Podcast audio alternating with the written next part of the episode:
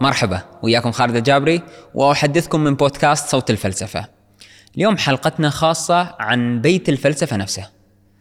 بدأنا بالحديث عن الفلسفة علاقتها مع العلوم الأخرى كانت الطبيعية، التطبيقية أو حتى العلوم الإنسانية وأهمية الفلسفة اليوم في عصرنا. ثم انتقلنا للحديث عن بيت الفلسفة وكيف يساهم بيت الفلسفة بأنشطته ببرامجه في تحقيق وعد بيت الفلسفة ليس فقط للعالم العربي بل أيضا العالم ككل. نستضيف في هذه الحلقة عميد بيت الفلسفة الدكتور أحمد البرقاوي. مرحبا دكتور. سلامات يا حياك الله. هلا. بيت الفلسفة آه، أخذ على عاتقه آه، نشر الفلسفة بين الناس. السؤال اللي غالبا ينطرح من كثير من الناس ليش الفلسفة بالذات؟ خاصة يوم نشوف العالم متجه نحو العلوم الطبيعية أو العلوم التقنية والثورات الصناعية الرابعة وممكن الخامسة قريبا. لكن بيت الفلسفة قال أريد أن أركز على الفلسفة ليس حتى على العلوم الإنسانية والاجتماعية ككل بس الفلسفة. فلماذا؟ هو هذا سؤال مهم الآن ليس فقط في بلادنا في كل بلاد العالم. كان الاهتمام بالعلوم الأساسية الفيزياء الكيمياء الطب إلى آخره خاصة في العالم الثالث وفي العالم غير الأوروبي اهتمام شديد لارتباطه بالمهنة. لارتباطه بالمهنة. فأهملوا العلوم الإنسانية ومن ضمنها الفلسفة. دعني أقول لك يا صديقي العزيز عالم بلا فلسفة عالم بلا عقل. عالم بلا فلسفة عالم بلا عقل. ماذا يعني هذا قولي؟ لأن الفلسفة هي التي تبحث وترصد الأسئلة الحقيق في الأسئلة الحقيقية للوجود والموجود. الوجود الاجتماعي الوجود الأخلاقي الوجود الجمالي الوجود القيمي الوجود الإبستمولوجي وكل أشكال. هلا نحن في النهاية معشر المشتغلين بالفلسفة أو الفلاسفة بالاحرى هم الذين يكتشفون الأسئلة الحقيقية المرتبطة بمصير الإنسان بوجوده. ودون الفلسفة لا تستطيع أن تجعل الواقع في متناول العقل. ما هي ما هي الفلسفة؟ العقل الواقع وقد صار عقلا. ماذا يعني صار عقلا؟ صار مفهوما لدى الآخر. ولهذا نحن ننتقل من الوجود المبتذل البسيط إلى الوجود الحقيقي. دعني أضرب لك مثالا على ذلك. ها أنت الآن أنا أمام مخرج يخرج هذا العمل. هل يحب المخرج عمله أم لا؟ إن العلاقة بين العمل والإنسان هي مشكلة فلسفية. كل إنسان لا يحب عمله ويعمل هو مغترب عن وجوده. لذلك طرحنا مشكلة الاغتراب في عالم التقنية حيث الإنسان لم يعد قادرا على تحقيق ما ينتمي إليه ما يصبو إليه. خذ أنت مشكلة الشر الإنساني. من ذا الذي يستطيع أن يظهر الشر في هذا العالم انطلاقا من تمكين العقل من فهم الشر وليس من المصلحة لأن كثير من الناس يرون في الشر مصلحة من مصالحهم ويعتبرون أن ممارستهم للشر هو ممارستهم لخير ما. إنها الفلسفة. ولهذا تنبعث الآن الفلسفة من جديد في كل العالم انطلاقا من نوعين من الأسباب المأزق والأزمة. الأزمة يا صديقي لحظة عابرة في مسار التطور قابلة للتجاوز. يمكن لنا نحن الآن أن نعيش أزمة مواصلات. هذه بسيطة بس عندما نعيش أزمة حضارة فالقضية صارت مرتبطة بالوجود الوجود الإنساني. هلأ نتجاوز الأزمة الأزمة انقطاع مؤقت في مسير التطور. بينما المأزق هو نوع من انعدام الحركة في الحضارة. جدار. هذا مأزق تاريخي.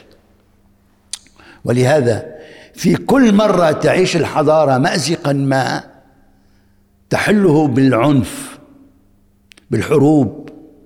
صح؟ خذ العالم المعاصر.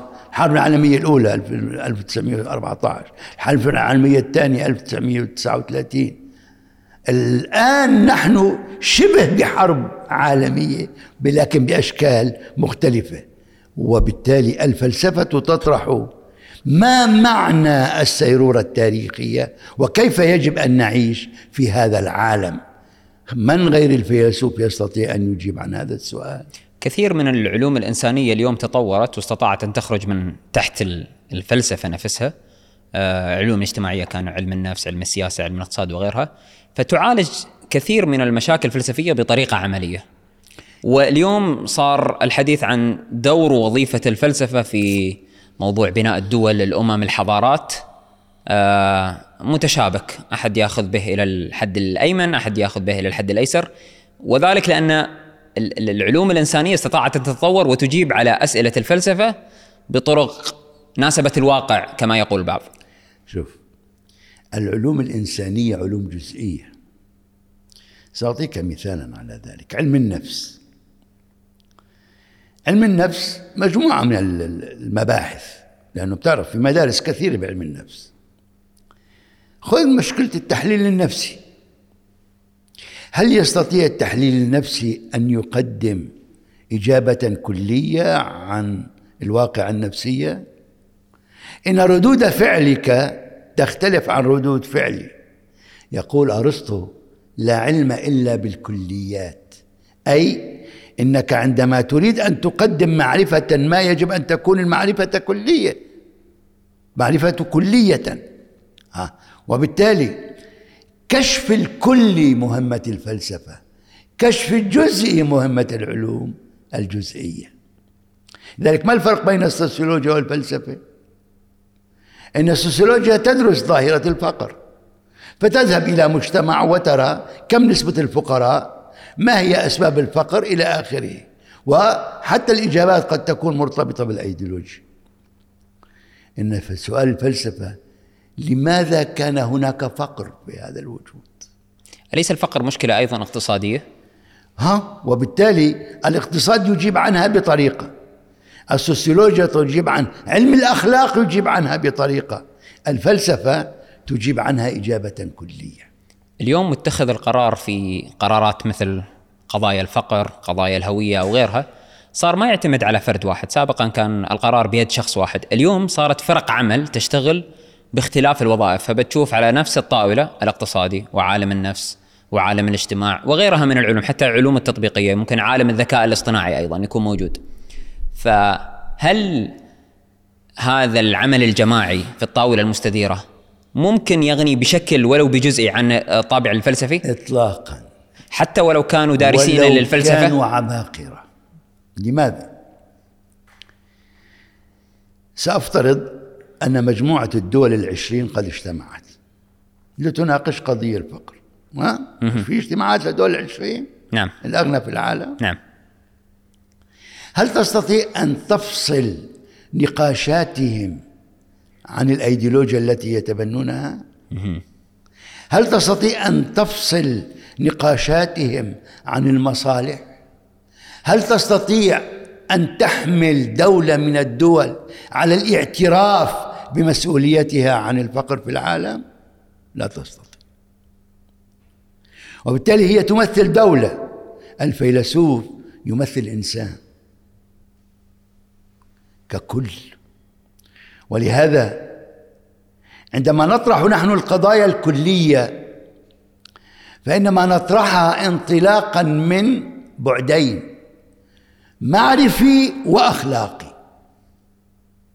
وليس فقط من بعد مصلحي وعملي. لماذا كان هناك فقر ولم يكن هناك غنى؟ هل تعرف أن حجم الأموال التي تصرف على إنتاج الآلة العسكرية يستطيع أن يقضي على فقر العالم قرن من الزمان؟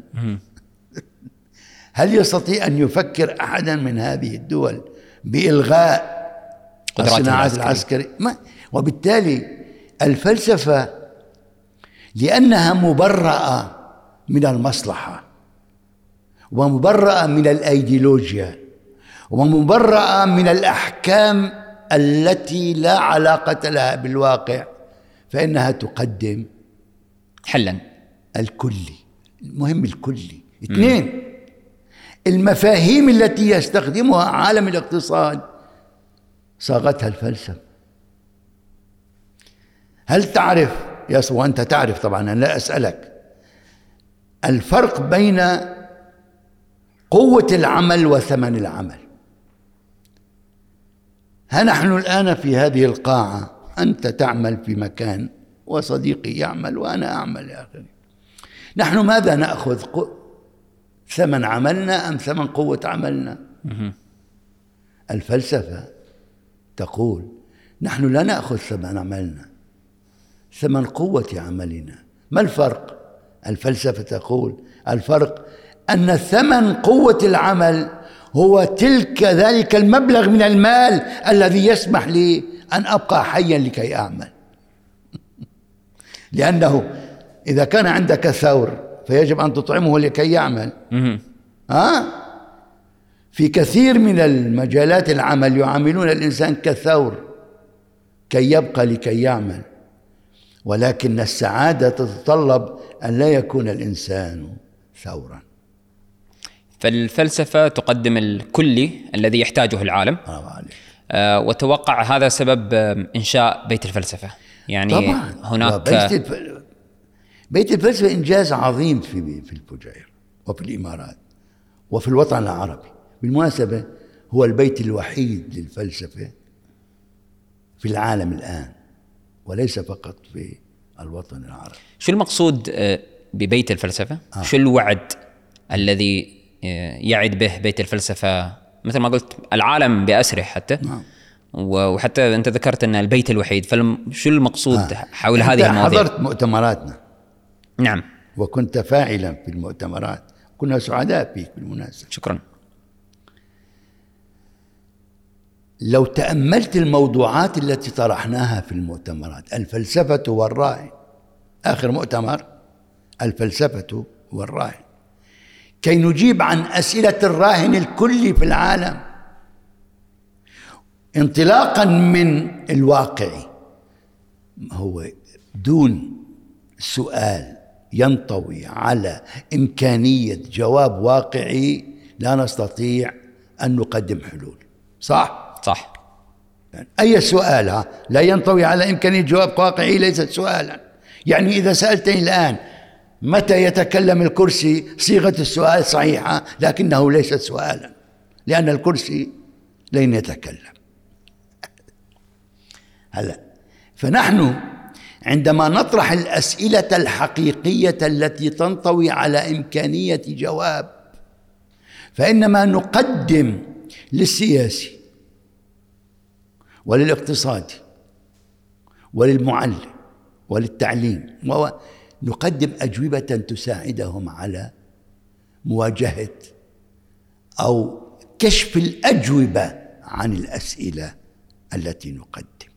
نحن نقدم أجوبة. لكن متى لماذا هي ضرورية؟ كيف ننتقل من الكل إلى الخاص؟ كيف ننتقل من الكل إلى الخاص؟ لأن الفلسفة أيضا تنطلق من الخاص. أعطيك مثال على ابن رشد صديقنا فيلسوف الشهير. ما هي ما كان ماذا كانت مشكلته؟ كيف يوفق بين العقل والنقل؟ أليس كذلك؟ هذه مشكلة خاصة وليست مشكلة عامة. نقل الإجابة عن هذه المشكلة إلى إجابة كلية. فصارت قادرة على أن تنتقل من حقل الثقافة العربية إلى حقل الثقافة الأوروبية. فنشأت الرشدية اللاتينية. ونحن بهذا المعنى نؤسس لقول فلسفي عربي خاص ولكنه قول كلي يتحول هذا القول الكلي إلى طريقة في التفكير لأن الفلسفة تنتج المفهوم وتنتج المنهج. فبيت الفلسفة اليوم يقدم إجابة لكثير من تحديات الواقع ولو كان من حيث المنطقة عربيا وعالم. ولكن من حيث الإجابة تستخدم عالميا. هل في شكل من أشكال الأنشطة المميزة أو المنشورات أو طبعا. نحن في فترة قصيرة في بيت الفلسفة أصدرنا مجموعة من الكتب. أصدرنا ست كتب عن ترجمات عن الفلسفة الفلاسفة العرب. ترج... ألفنا عفوا ست كتب عن الفلاسفة العرب. لماذا كان هذا؟ كي نقول لأعداء الفلسفة هؤلاء هم أجدادنا. آباؤنا الفلاسفة العرب ابن سينا الكندي ابن سينا الفارابي ابن رشد ابن باجة ابن طفيل. ترجمنا جزء من الكتب الغربية لنقول نحن جزء من حركة الفلسفة العالمية. نعقد عقدنا ثلاث مؤتمرات عالمية. آه عفوا مؤتمرين عالميين ودعونا إليهم فلاسفة كبار. نقوم بدورات تدريبية للشباب. كي ندخلهم عالم الفلسفة. آه، فضلا عن ذلك هذا البرنامج هو جزء من نشاط نشر الوعي الفلسفي. لأن الفلسفة مرتبطة بشكل صميمي بمفهومين مهمين في دولة الإمارات وفي العالم. السعادة والتسامح. كيف يمكن أن تؤسس للسعادة والتسامح دون وعي فلسفي بالسعادة والتسامح؟ ماذا يعني التسامح؟ يعني الاعتراف بالحق بحق الآخر أن يكون على نحو دون أن يكون مقصوده إيذاء الآخر. أليس كذلك؟ كن كما تشاء فأنا متسامح معك ولكن لكي تكون كما تشاء على نحو لا ينجب لي. أذى يجب أن نؤسس مفهوم التسامح على فكرة الحق. وقس على ذلك السعادة. أرأيت أهمية الفلسفة في هذا العالم؟ اسم بيت الفلسفة فيه ميزة وفيه لمحة من حتى ممكن أقول بيت الحكمة القديم في تاريخنا العربي. هل تشبه بيت الفلسفة ببيت الحكمة أم عندك تشبيه آخر ممكن يصل للمشاهد. نحن يا صديقي لا نشبه أحدا. ليس هناك أسوأ من الأشباه. الوجود الحقيقي والوجود الأصيل أليس كذلك؟ فعندما تقوم بأي شيء لكي تتشبه بشيء فأنت لست أصيلا. هلا في تجارب بالتاريخ مرت. يعني أنت عندك أكاديمية أفلاطون التاريخ خلصت عندك رواق أرسطو خلص. بيت الحكمة العباسي لم يكن متخصصا بالفلسفة كان لذلك سموه الحكمة بعلوم متعددة. لكن بيت الفلسفة هو البيت الأول الذي سمى نفسه بيت الفلسفة. وكلمة بيت تشير إلى العلاقة الحميمة بهذا العلم. أصلا هايدجر ماذا يقول؟ اللغة بيت الوجود. اللغة بيت الوجود. الآن بيت الفلسفة هو هذا الذي يحتضن العقل. لقد تعين العقل بيتا للفلسفة. وبالتالي نحن يعني نقدر كل تجارب التفلسف وكل مظاهر التفلسف وكل آه، مؤسسات التفلسف الآن بالعالم في آلاف الأقسام الفلسفية التي يتخرج منها الطلاب. لكن بيت الفلسفة له خصوصية مختلفة. هو ليس مكانا أكاديميا يخرج واحد معلم كذا لا. هو مهمته أن يمكن الفلسفة في هذا العالم ليجعلها طريقة في التفكير. وبالتالي هو نشاط استراتيجي. نشاط استراتيجي. مقصوده تحرير العقل لكي يفكر. عقل مصفد يعني فيه أصفاد تمنعه من التفكير لا يفكر.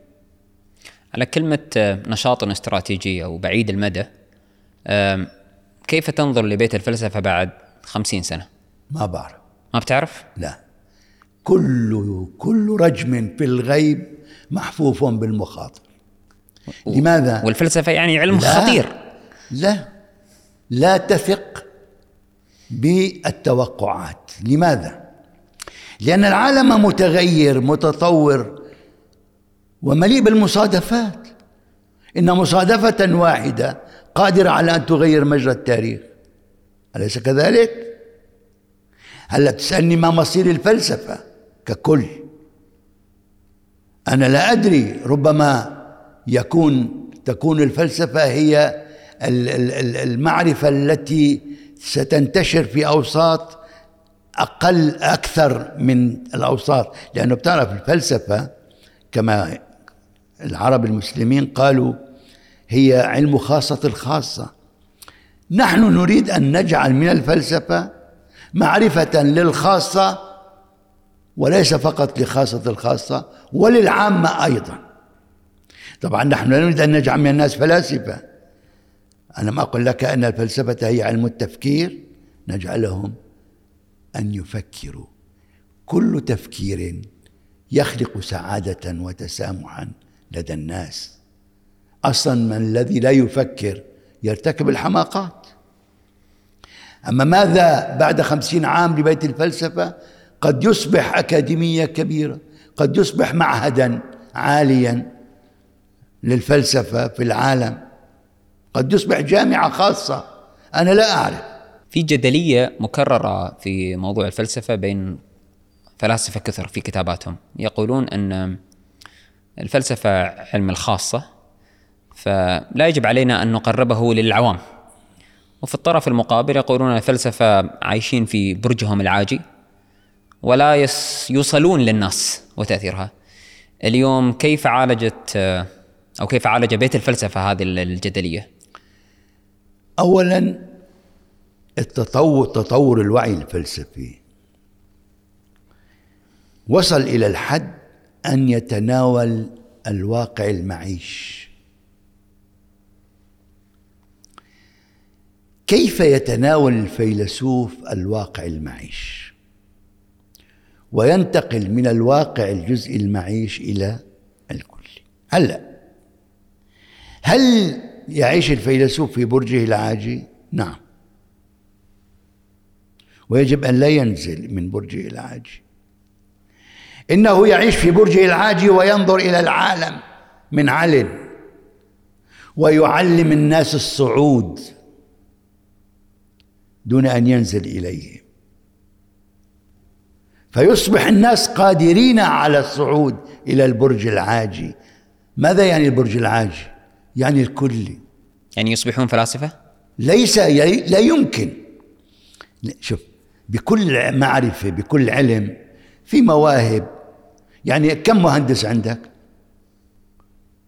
ملايين. كم عدد العباقرة من المهندسين؟ فأنت تقول عباقرة المفكرين فلاسفة؟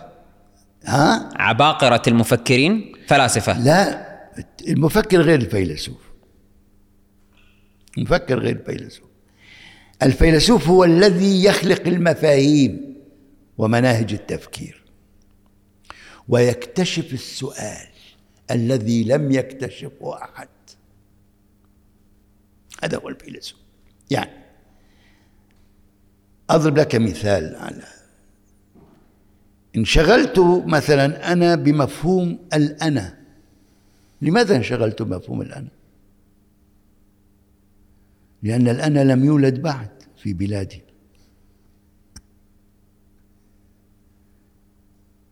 فكرة القطيع أقوى من فكرة الأنا أليس كذلك؟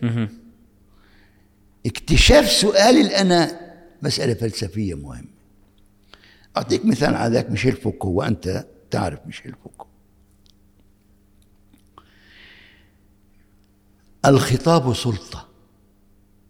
أنا سلطة الآن أنا أمامك الآن سلطة. لماذا؟ لأني لدي خطاب وأنت سلطة لأنك خطاب. ماذا يعني الخطاب سلطة؟ الخطاب السلطة هو الذي يشكل الوعي الوعي الذي يتحول إلى سلوك. المرأة خطاب بالمناسبة. المرأة خطاب حول المرأة. عندما يتبنى الناس خطابا حول المرأة يتصرفون من وحي الخطاب فصار الخطاب سلطة إبداع. هلأ الآن في عدد كبير ممن يعرفون ميشيل فوكو ويفكرون بطريقته لكن هؤلاء ليسوا فلاسفة. هناك الفلاسفة هناك أساتذة الفلاسفة هناك من يعيش على هامش الفلسفة. وهناك دكاترة في الفلسفة لا يعرفون فلسفة. لا يعرفون. إنما تخصصوا بموضوع معين وراحوا يدرسونه. في كل العلوم هكذا بس بالفلسفة لأنها أعلى درجات التفكير. الإبداع. هيجل جعلها في المكان الأعلى وما بعد ذلك في فنولوجيا الروح بيجي الشعر والدين والفن وإلى آخره. الفلسفة أعلى درجات التفكير لأنها تقدم لي مفاتيح المعرفة.